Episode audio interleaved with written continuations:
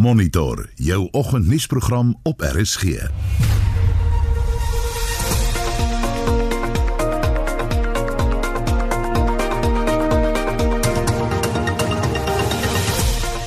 Die nommer 6 in die jongste nuus president Ramaphosa sê 500 miljard rand sal beskikbaar gestel word om die ekonomie te stimuleer.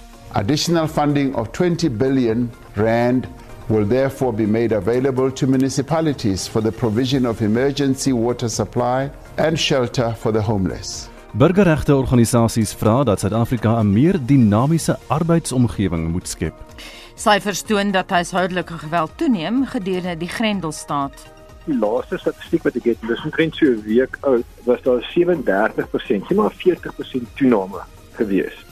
En Gambit, die geliefde Durbanse dolfyn, sterf. So he's been with us for a very long time, since the 1970s. And over that time, he has built up an incredible support base. He has been an amazing ambassador for the ocean and introduced millions of people to the ocean. Goeiemôre, ek is Gustav Vreiding. Welkom by Monitor. En my naam is Anita Visser.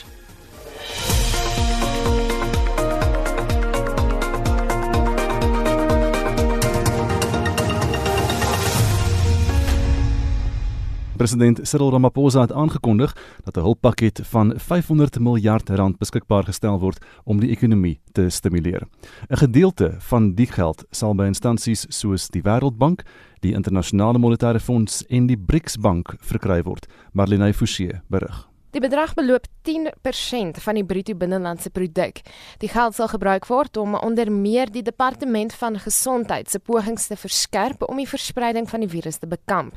'n Bedrag van 20 miljard rand sal beskikbaar gestel word om toerusting vir gesondheidswerkers aan te koop, sowel as om siftingstoetse en toetse te doen. Nog fondse sal aan munisipaliteite beskikbaar gestel word. Additional funding of 20 billion rand will therefore be made available to municipalities for the provision of emergency water supply, increased sanitation for public transport as well, and other facilities. But they'll also be able to provide food and shelter for the homeless. Details will be announced in the adjustment budget tabled by the Minister of Finance. Die regering het ook 50 miljard rand geoormerk vir die verligting van honger en maatskaplike nood in die land. Wages of workers in the formal economy and have extended support to small, medium and micro-sized businesses. Millions of South Africans in the informal economy and those without employment are struggling to survive. Poverty and food insecurity have deepened dramatically in the course of just a few weeks. To reach the most vulnerable families in our country, we have decided on a temporary six month coronavirus grant. We will direct 50 billion rand towards relieving the plight of those who are most desperately affected by the coronavirus. President Ramaphosa het ook verskeie tydelike verhogings in maatskaplike toelaas aangekondig. Kindertoelaas word aanstaande maand met R300 verhoog en vir 5 maande daarna met 'n verdere R500 per maand. Alle ander ontvangers van maatskaplike toelaas sal vir die volgende 3 maande R250 per maand meer ontvang. Werklose mense wat nie werkloosheidsversekering het of ander toelaas kry nie, sal vir die volgende 6 maande R350 per maand kry. The Department of Social Development will issue the requirements needed to access and the application for this funding. We recognize that food distribution capacity of the government is not adequate to meet the huge need that has arisen since the start of the epidemic. Altesaam 100 miljard rand sal op sy gesit word vir die beskerming van werksgeleenthede en om nuwe werksgeleenthede te skep. 'n Verdere 40 miljard rand is op sy gesit vir werkgewers wat nie hulle werkers se lone kan betaal nie.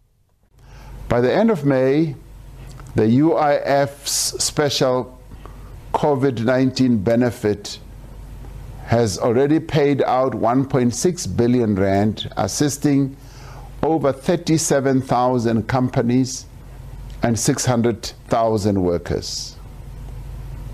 40 billion has been set aside for income support payments for workers whose employers are not able to pay their wages. We continue to provide assistance in the form of loans, grants, and debt restructuring to SMEs, to spaza shop owners, and other informal businesses. The value of this assistance to date is over 100 million rand. An additional amount of 2 billion rand will be made available to assist SMEs and spaza shop owners and other small businesses. Ramaphosa gaan die land môre weer toespreek oor die regering se planne om die inperking stelselmatig te verkort. Die verslag deur Amina Akram, ex Marlene Forsie vir SAK nuus. En dan net na 7 vanoggend ontleed ons die maatreëls en kyk na die impak wat dit op jou kan hê. Die weermaglede is die afgelope paar dae dood op die land se paaie.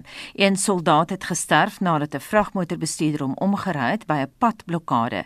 Die ander is dood tydens 'n jagtog in Eikonhoek in Mpumalanga, sê die woordvoerder van die operasionele afdeling, vlootkaptein Jaco Tenison. Dit is met groot hartseer dat die Suid-Afrikaanse nasionale weermag moet aankondig dat ons twee van ons soldate onlangs verloor het. Die eerste soldaat is oorlede Saterdag 18 April waar hy betrokke was in 'n motorongeluk saam met polisielede wat 'n verdagte agtervolg het wat deur 'n padblokkade gejaag het. Die tweede insident het plaasgevind op die N12 naby die Glen Mall afrit. 'n Swaar voertuig het beheer verloor en het toe gerol en op op, op een van ons soldate beland. Die minister van verdediging, die sekretaris van verdediging en die hoof van die weermag bied hulle grootste meegevoel toe aan die families, vriende, geliefdes en kollegas van hierdie soldate wat op so ongelukkige en optydige manier afgesterf het. En so sê vlootkaptein Jaco Tenison, woordvoerder van die weermag se gesamentlike operasionele afdeling.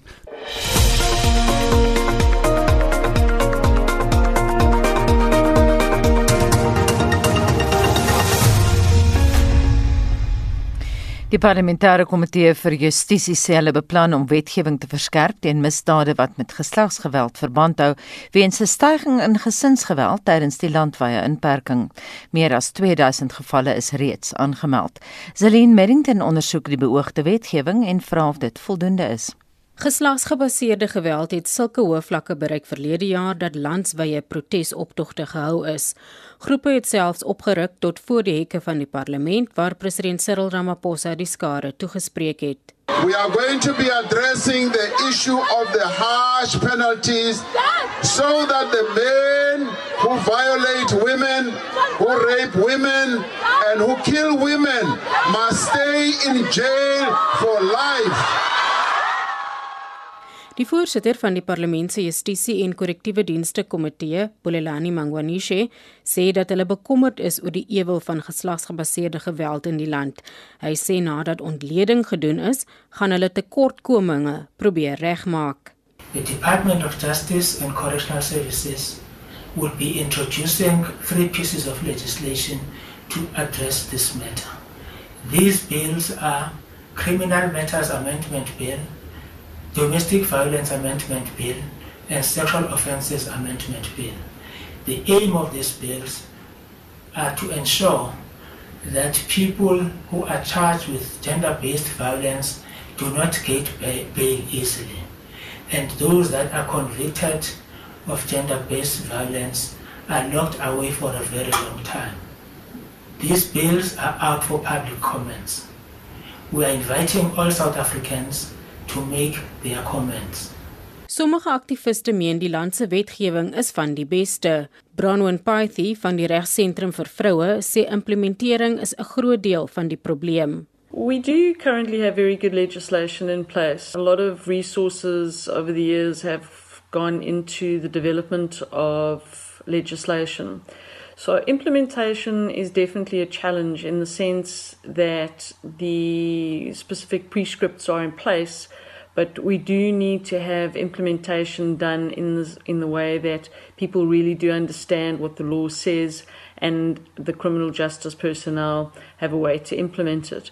Voorvalle van huishoudelike geweld het 'n skerp stygings getoon gedurende die tyd van inperking. Meer as 2000 sake is in die eerste periode aangemeld. Die voorsitter van die polisieportefeulje komitee, Tina Jumat Patterson, het kommer uitgespreek. The responses that we have received and the complaints that we have received have been enormous. The complaints, amongst others, relate to police not being sensitive to um, women laying charges against them. Women live in the same confined spaces as their abusers during this period. This makes it extremely difficult for women. It makes it extremely difficult for children. So our approach and our program that we would be unfolding is one in which we monitor the shelters which protect women.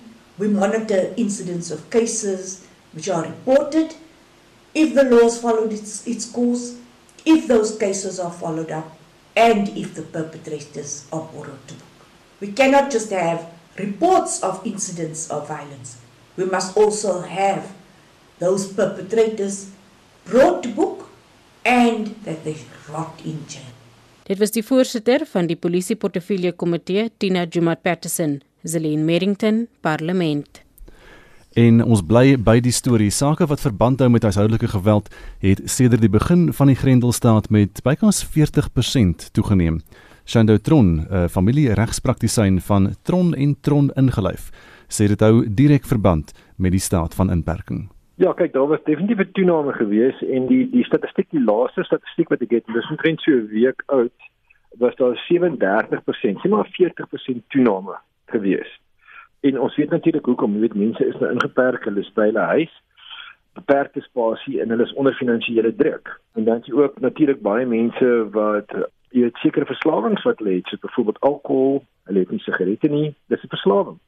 Nou gooi jy al dit in 'n soort van in die pot in en uh, dit uh, jy weet mense sukkel en dan dan se uitbarstings gewelddadige uitbarstings en mense voel regtig die stres van by die huis bly nog finansiële stres en nog hulle verslawings wat hulle ook nie kan uh, kry nie. Soos dit daar so ja laaste uh, syfers was 'n 37% toename gewees maar ek dink as jy kyk na ek het nou vanoggend gekyk op die internet en gekyk na van die skuilings of plekke van veiligheid waar jy en vroue kan gaan in Kaapstad veral. En hulle almal is oorvol. Ja. Baie meer vol as gewoonlik. So daar jy kan sien daar's 'n definitiewe toename weens die omstandighede. Um, uit ondervinding as 'n uh, prokureur wat werk met familiesake en familiereg, wat gaan ons nou hier sien gebeur? Wat gaan ons hier sien gebeur? Wel daar behoort 'n toename te wees in die howe natuurlik en die howe is oop vir gesinsgeweld sake. Daar behoort definitief 'n toename te wees Maar wat ek baie sien uit persoonlike ondervindinge uit is die vrouens veral, hulle is onder finansiële druk en hulle word in privaat gedreig dat hulle word in privaat gedreig dat as jy dit van doen of jy gaan voortgaan, dan gaan ek alle finansiële hulp vir jou en die kinders wegvat en ek gaan jou op die straat uitgooi. Baie van hulle tree dit terug ongelukkig. Maar dan 'n maand of twee later is hulle weer terug in die hof. En dan partykeer is die geweld wat teen hulle gepleeg is baie erger. So jy praat van daar is nie net dis nie net 'n fisiese geweld nie. Nee, daar is en dis wat mense nie weet nie. Die geweld as jy kyk na die omskrywing van die wet, wet op gesinsgeweld, dis ekonomiese mishandeling, die on, en ek lees nou uit die wette die onredelike weerhouding van ekonomiese of finansiële bronne waarop die klaar regtens geregtig is of wat die klaar uit noodsaaklikheid benodig. En waarvan praat ons hier? Ons praat van huurgeld, ons praat van kosgeld, elektrisiteit. Die noodsaaklike goed vir al die en waarna die hoewe kyk is wat het die persoon, die beskuldigde voorheen betaal en wat stop hulle nou skielik? Verstaan jy? Dis altyd daai dreigement. As jy nou voorteen gaan, dan gaan ek nie die huur betaal nie, dan gaan ek nie vir jou geld gee vir kos nie, dan gaan ek nie die kinders se skool betaal nie. So daai en ook die onredelike vervreemding van huishoudelike besittings. Dan staan dis nou die ekonomiese mishandeling, dan die emosionele, verbale en sielkundige mishandeling en nie geen dit dit is voor die hand liggend en dan sal natuurlik fisiese mishandeling ook.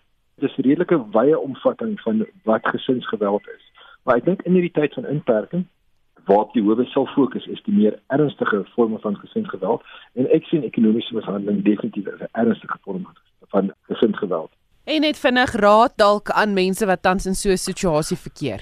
OK, die raad is volgende, die die regering het 'n het 'n noodlyn. Dis 0800 428 428 0800 428 428 bel dit al het jy nie ligtyd nie bel hulle jou terug en dis daar's ook 'n webtuiste gbv soos in gender based violence.org.za gbv.org.za met 'n uh, reeks nommers en wat hulle uh, waar mense jou kan help en daar sit mense onderstel mense 24/7 te sit wat jou sal help. So as jy enige probleem het, bel daai nommer of as jy regtig 'n ernstige probleem het, gaan na jou laaste polisiestasie toe en dat hulle vir jou help om 'n klag te lê. En dit was Shando Tronne, familie regspraktisyn van Tron en Tron ingelyf en hier is die noodnommer net weer 0800 428 428.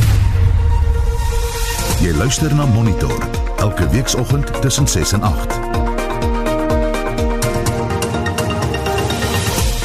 Sopas half 7 gewees en in die nuus meer as 76% van Suid-Afrikaners sê dat hulle 'n slagoffer van misdaad was. Vandag word Aardedag wêreldwyd gevier. Ons kyk na die impak van die COVID-19 pandemie op koolstofdioksied vlakke. En Gambit, die gewilde dolfyn sterf, bly ingeskakel.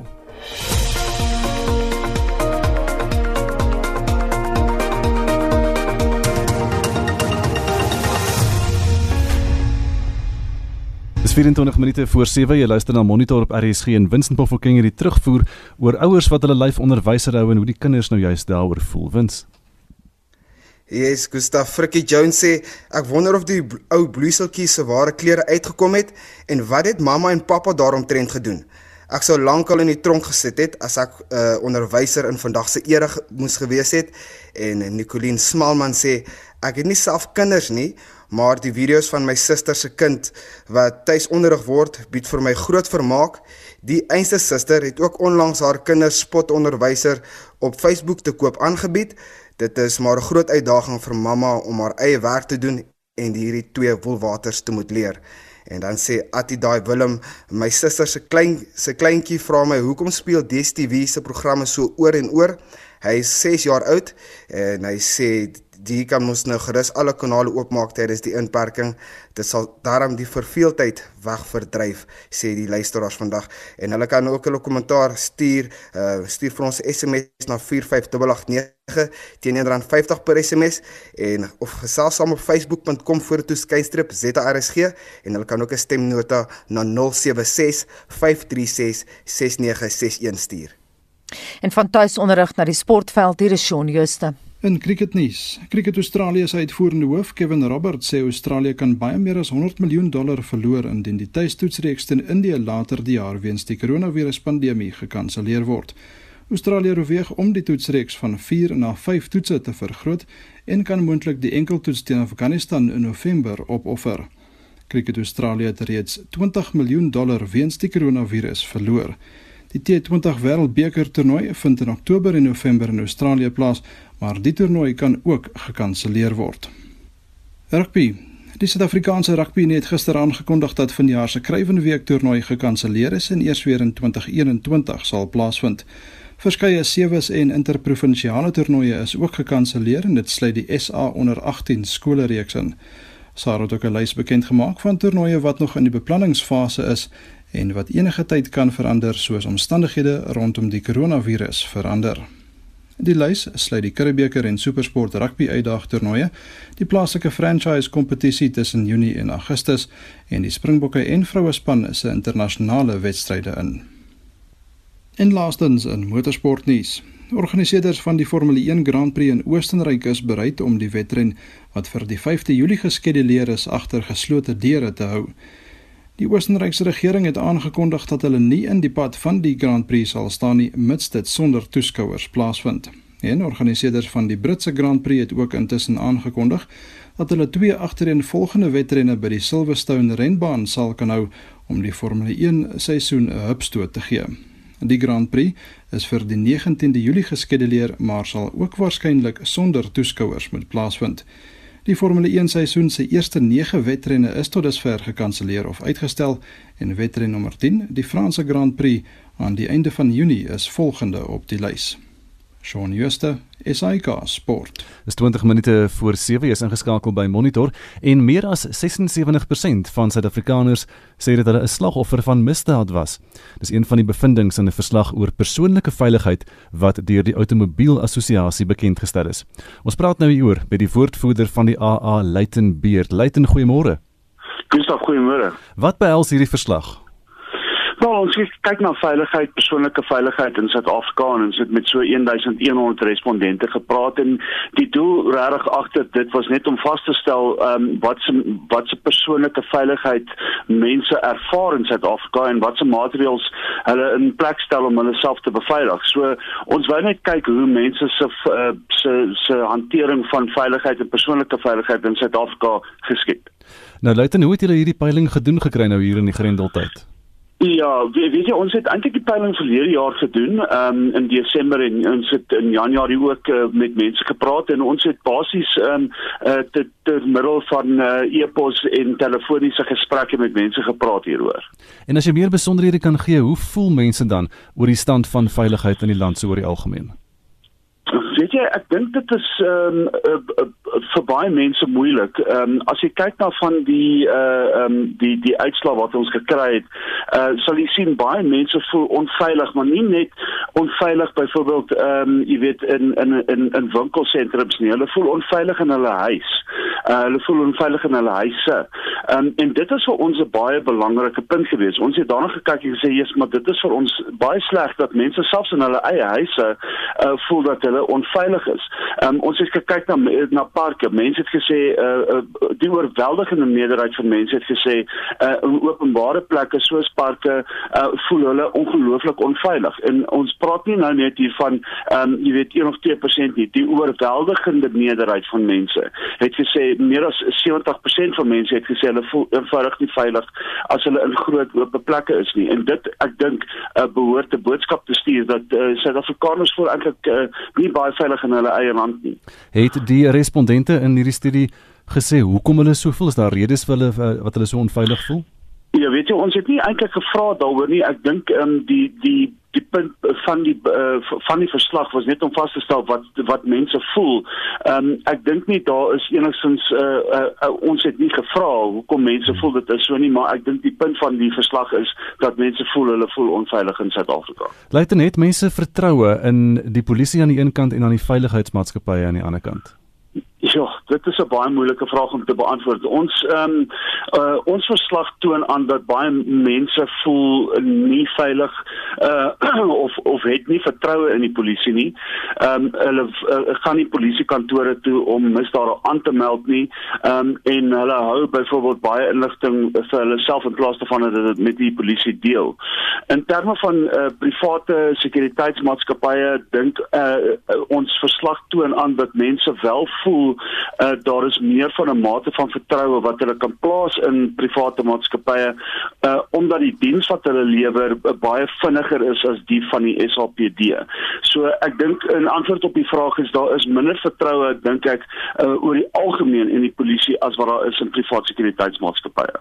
Luitenant mens nou hierdie syfers in ag neem, wat is die pad vorentoe vir mense se veiligheid? Gaan hulle self aan idees moet begin dink om hulle self te beveilig en om hulp te kry? ja, Gustav, ek dink dit is die groot vraag. Daar is baie mense daar alreeds uh verskeie veiligheidsmaatreëls by hulle huise ingestel het en duurste koste. Ehm um, jy weet ons ons het gevind dat mense baie baie geld spandeer uh, om veiligheidsmaatreëls by hulle huise uh, aan te sit. Een van die dinge wat die AA gedoen het is ons het 'n nuwe toep op ons uh op op, op vir vir ehm um, selfone geloods.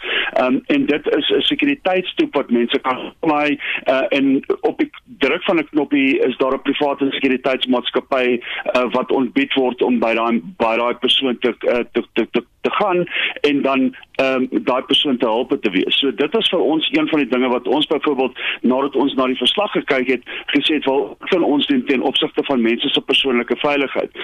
So daai tipe is een ding, ek dink baie mense sal kyk na daai tipe toepassings wat hulle kan gebruik vorentoe en ek dink baie mense is nog steeds besig uh om baie geld te spandeer om hulle self veilig te maak. Luiten baie dankie Luiten Beer, dis die woordvoerder van die Automobiel Assosiasie. Jy's ingeskakel by Monitor nou so 'n omgewing van kwart voor 7 en vandag word Aardedag wêreldwyd gevier om klem te plaas op die bewaring van die natuur.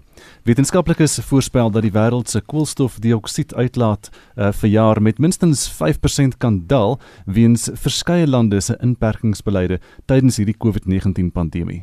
Die persentasie is hoër as die hele Afrika kontinent se vrylatings per jaar. Sou dit gebeur, is dit die grootste CO2 daling wat in die wêreld se geskiedenis aangeteken is. Maar is dit genoeg om aardverwarming teen te werk? Ons praat nou met professor Kobus van der Walt van die departement van natuur en landbouwetenskap aan Noordwes Universiteit. Goeiemôre. Goeiemôre. Kobus wetenskaplikes voorspel nou dat CO2 vrylatings vanjaar met tot 5% kan daal weens inperkings is daar 'n merkbare impak hiervan op die omgewing wat ons reeds waarneem en ons praat nie hier net van China nie. Ja, nee, die inperking en die gepaard gepaardgaande afname in ekonomiese aktiwiteite het wel 'n merkbare invloed op die omgewing. Daar's talle berigte van reg oor die wêreld wat aandui dat daar 'n beduidende verbetering is in die luggehalte oor groot stede. En ons sien ook foto's van diere op plekke wat mense hulle nou nie gewoonlik sien nie en dit het alles maar te maak met die feit dat daar minder mense rond beweeg uh, en dat baie van die vervaardigingsprosesse wat gewoonlik lug groot lugbesoedeling veroorsaak tydelik gestaak is. Kobus, dink jy dit gaan ons 'n hupstoot gee om die VN se 2030 doelwit om uitlaatgasse met 7,6% jaarliks te sny? Kan ons dit bereik? Ek dink ongelukkig nie so nie. Hierdie wêreldwye inperking is tydelik van aard en die positiewe invloed wat ons nou op die omgewing waarneem is daarom ook net tydelik. 'n Mens dink ek kan dit vergelyk met 'n bosbrand wat nou vir baie jare al lank vreeslik baie rook in die lug vrystel. En nou skielik kry jy die bosbrand vir 'n paar dae onder beheer en die lug lyk vir jou uh skielik baie skoner, maar daarna vlam die bosbrand nou maar net weer op en die lug word net weer vol rook. En ek dink dis presies wat gaan gebeur wanneer hierdie pandemie nou verby is en die wêreld se fabrieke begin weer werk en die motors en die vliegtye begin weer die wêreld vol beweeg. Ek wil daai punt 'n bietjie verder vat. Ons het onlangs met professor François Engel bereg gepraat en hy het gesê ja presies wat jy nou sê. Kyk, dis tydelik van aard. Maar toe het hy gesê wat dan gaan gebeur is die Chinese byvoorbeeld gaan hulle ekonomiese aktiwiteite intensifiseer. So dit gaan alles omdraai weer. Alles op sy kop draai. Wel ek ek hoop so. Uh ek hoop ons ons ons leer 'n les hieruit. Ehm um, kyk 'n interessante aspek van hierdie pandemie is dat politieke leiers en wêreldleiers vir 'n verandering na die wetenskaplike kundiges geluister het. Uh gewoonlik luister hulle nie eintlik nie. Ehm um, want 'n politikus se uh, se besluit en optrede word eintlik oorheers deur 'n korttermynstrewe om gewild te wees sodat die mense jou sal herverkies in jou pos. Maar met hierdie pandemie luister die ouens want hulle is self bang vir die virus en die tydskaal van die pandemie is nou sodanig dat hulle self kan sien wat die gevolg is as hulle uh, hulle nie aan die feite steur nie. So uh, my hoop is dat wanneer die klimaatsamesprekings nou hervat, uh die politici hierdie les sal onthou en dan vir die klimaatswetenskaplikes luister want ehm um, die probleem is die tempo van klimaatsverandering is te stadig om soos wat ons dit nou met die virus kan doen elke aand op TV te kan sien hoeveel mense is geïnfekteer en wat is die sterftesyfer. Maar die waarskynlike gevolge vir die mensdom as daar nie betyds drastiese veranderinge aangebring word uh, aan aan die manier hoe ons lewe nie, gaan hierdie virus soos 'n kleinigheid laat lyk. So kom ons hoop die wêreldleiers leer hulle les uit hierdie virus uit. Soos jy nou gesê die VN kyk na jaarlikse afname van 7,6% om dan aardverwarming teen te kan werk, maar in hierdie stadium met al die fabrieke gesluit en al die uh, motors van die paaie af, die vliegtye uit die lug uit, is dit nog steeds net 'n 5% afname in CO2. Dink jy daar dink jy dis moontlik dat wêreldleiers ook nou besef dat hulle hierdie pandemie kan gebruik om iets positiefs te doen en om uh, strukturele veranderings te maak aan die manier hoe hulle ekonomieë werk? Wel, kyk ek eh, die teiken wat ons moet bereik is 7.6%. Ehm um, ek ek ek dink dit is uh, wat wat wel baie duidelik deur hierdie pandemie nou geïllustreer word is dat dit bykans onmoontlik vir die mensdom gaan wees om hierdie doelwit te bereik as daar nie fundamentele veranderinge aan die wêreldekonomie en aan ons elkeen se leefwyse aangebring word nie. Uh, ek hoop die meeste mense op aarde besef dit van die manier hoe dinge gedoen word op aarde en hoe dit gedoen is tot nou toe en hoe mense leef sal dramaties moet verander as ons suksesvol wil wees in hierdie stryd. En ek weet nie of die mensdom in staat gaan wees om hierdie fundamentele veranderinge betyds aan te bring nie. Ehm um, want uh, die as as ons nou kyk na hierdie pandemie, uh, ons het nou hierdie streng inperkings gehad en dit het nou maar 'n 5% afname tot gevolg gehad. So wat eintlik nodig is as ons nie strukturele veranderinge aanbring nie, is dat hierdie inperkings nog strenger moet word en dat dit permanent ingestel moet word. En dit is natuurlik onmoontlik want ons sien reeds uh, hoe vinnig grootskaalse werkloosheid en armoede deur so 'n drastiese stap veroorsaak word. Die wêreld se ekonomie word basies verwoes hierdeur. So as wêreldleiers nou gaan probeer om hierdie inperking permanent te maak, sal dit lei tot grootskaalse anargie want hongermense sal eenvoudig die wet in eie hande neem en doen wat hulle moet doen om te oorleef. En eh, as ons nou eerlik moet wees, gaan ons dit almal doen want as jou kinders besig is om van die honger te sterf en daar is geen werk nie en dan loop 'n renoster voor jou huis verby, dan gaan daai renoster sneeu. Want uh elke mens gaan gaan eenvoudig dan die wet in eie uh, in eie hande uh, neem. So wat regtig nodig is, ehm um, is is is is iets anders. Ons uh, die oplossing sal fundamentele skuwe in elke mens se denkraamwerk veg. Ehm um, eerstens is die kernoorsaak van alle omgewingsprobleme dat daar eenvoudig te veel mense op aarde is. Jy weet elke 4 dae is daar 1 miljoen meer mense op hierdie aarde. En om hierdie miljoen mense kos, klere, huise, opleidingsfasiliteite, mediese sorg en alles te gee, beteken dat die ekonomie eenvoudig teen 'n geweldige tempo moet aanhou groei en en dit gaan jaar vir jaar so aan en dis mos nou baie duidelik dat dit eenvoudig nie volgehou kan word nie. Uh so eerstens moet moet daar definitief gekyk word na 'n afname in die aanwas tempo van die mense en dan tweedens moet daar 'n totale denkverandering kom in die politieke en ekonomiese stelsels van die wêreld want elke mens sal moet besef dat die manier waarop ons tot nou toe geleef en gewerk het kan verander en dat ons eintlik met baie minder kan klaarkom as wat ons gedink het. Ehm um, dink byvoorbeeld aan vervaardigingsprosesse en en die aantal enkelgebruik items wat daar is as 'n mens nou gaan inkopies doen. Ehm um, goed wat jy een keer gebruik en dan gooi jy dit weg. Nou die eerste is die term ons gooi iets weg sal uit ons woordeskat moet verdwyn want jy kan nie iets weggooi nie. Jy gooi hom net daar wat jy hom nie kan sien nie, maar hy's nog steeds daar. Maar eh, kyk nou na die natuur. Ons moet leer uit die natuur en die natuur is alles in 'n perfekte siklus. Daar is nie 'n afvalstortingsterrein in die natuur waar produkte wat nou een keer gebruik is op beland en daar besoedel nie. So dis die tipe denkraamwerk veranderinge wat dink ek wat nodig gaan wees wêreldwyd. Um ons kan met minder klaarkom, ons moet minder mense wees en ons moet dinge heeltemal anders doen. Kobus, watter lande is die grootste sondaars as dit kom by CO2 vrylatings? Goed, die twee groot kweekhuisvrylaters is natuurlik die VSA en China.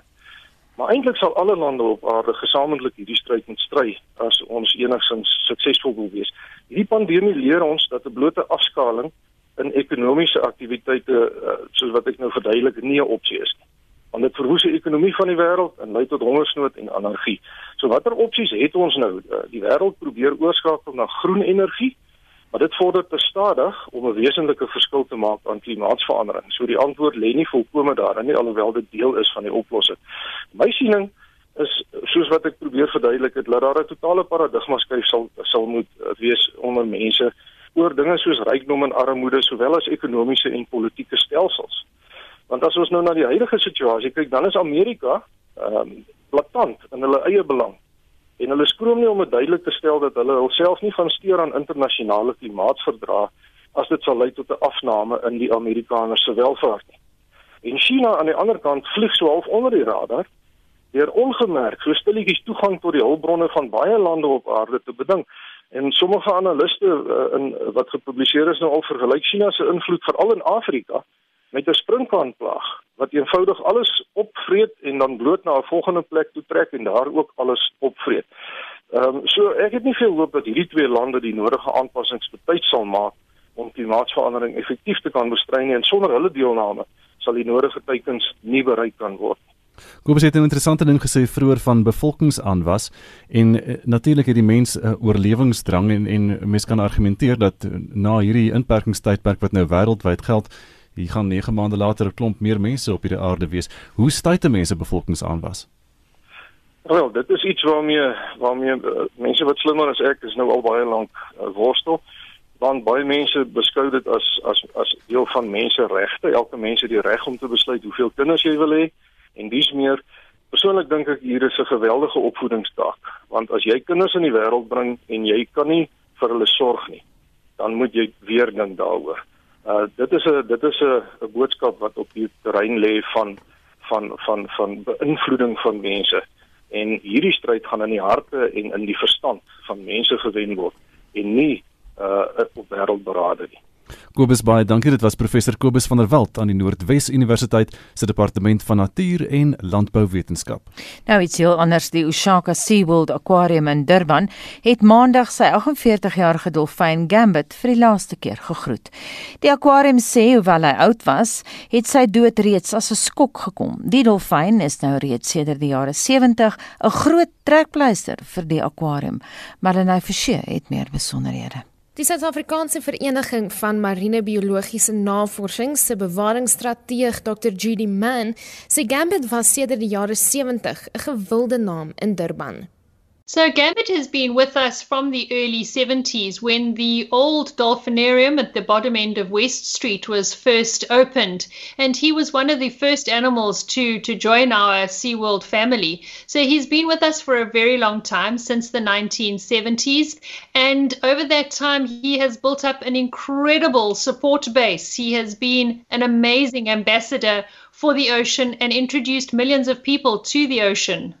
So he was caught in the very early, early days when the dolphinarium was first started. Sy sê Gambit en die ander dolfyne in die akwarium speel 'n groot rol in die bewusmaking van marine bewaring. That's one of the most important things about being able to inspire people to care for the ocean is that opportunity to actually see a real live animal. And that is incredibly powerful. And the outpouring of grief and the messages that we've had have, in a way, reinforced just how important it has been for people to actually have met an animal like Gambit and how many people he has inspired to care for the ocean just from his very presence. Op 48-jarige ouderdom was Gambit een van die oudste dolfyne waarvan die mensdom bewus is.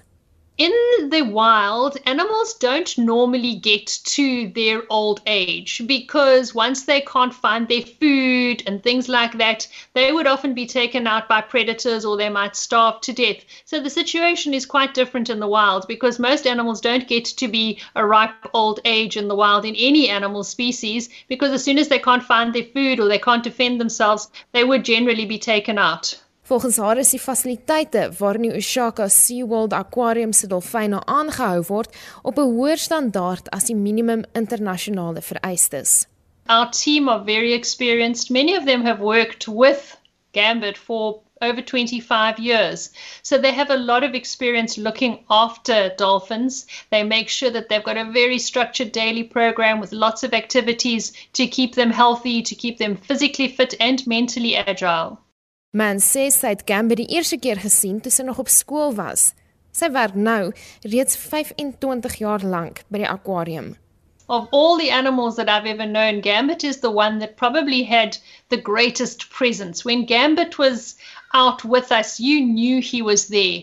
He had an incredible energy about him. He was an amazing, fun loving dolphin, and you just could feel his presence. And that's, I think, what I will always remember. Die impak wat die dolfyn op generasies van Suid-Afrikaners gehad het, is volgens haar deel van sy nalatenskap. The responses have been absolutely incredible and all of us reading those responses have often just been in tears. So many people have told us that they met Gambit when they were a child and they've scanned in photos of themselves and Gambit. They've brought their children and then they've brought their grandchildren. And reading through those comments is something that has has really helped to give us comfort during this difficult time. Dit was die Suid-Afrikaanse Vereniging van Marine Biologiese Navorsing se bewaringsstrateeg Dr Judy Mann. Ek's Marine Verschiefer SAK nuus. Jy wat my kind nou matriek en uh, hou hom maar besig. Hulle kry hulle huiswerkie oor die WhatsApp goede. En dan uh, doen hulle maar die huiswerk en die, die vrou werk die merkie huiswerke goede. Dan word dit deur ge-WhatsApp na die meneer toe. Verder is dit maar op en af hou die huis. Bou op vrou motorfietsjies op en goede as hy nie besig is met die huiswerkie of hy's daar op die komputer besig met die kindse goede. Hy hou hom besig, hou hom besig, hou hom uit die katte kwaadheid. So wil ons by ons luisteraars hoor hoe hou hulle kinders hulle self besig by die huis en hoe ervaar jy as ouer jou nuwe rol as onderwyser? Stuur vir ons 'n SMS na 45889 R1.50 per SMS of gesels saam op facebook.com vorentoe skynstreep ZARSG of stuur jou stemnota na 076 536 6961.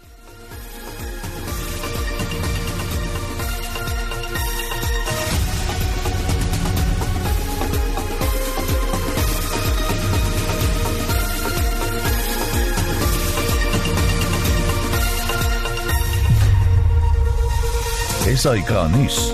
Onafhanklik, onpartydig.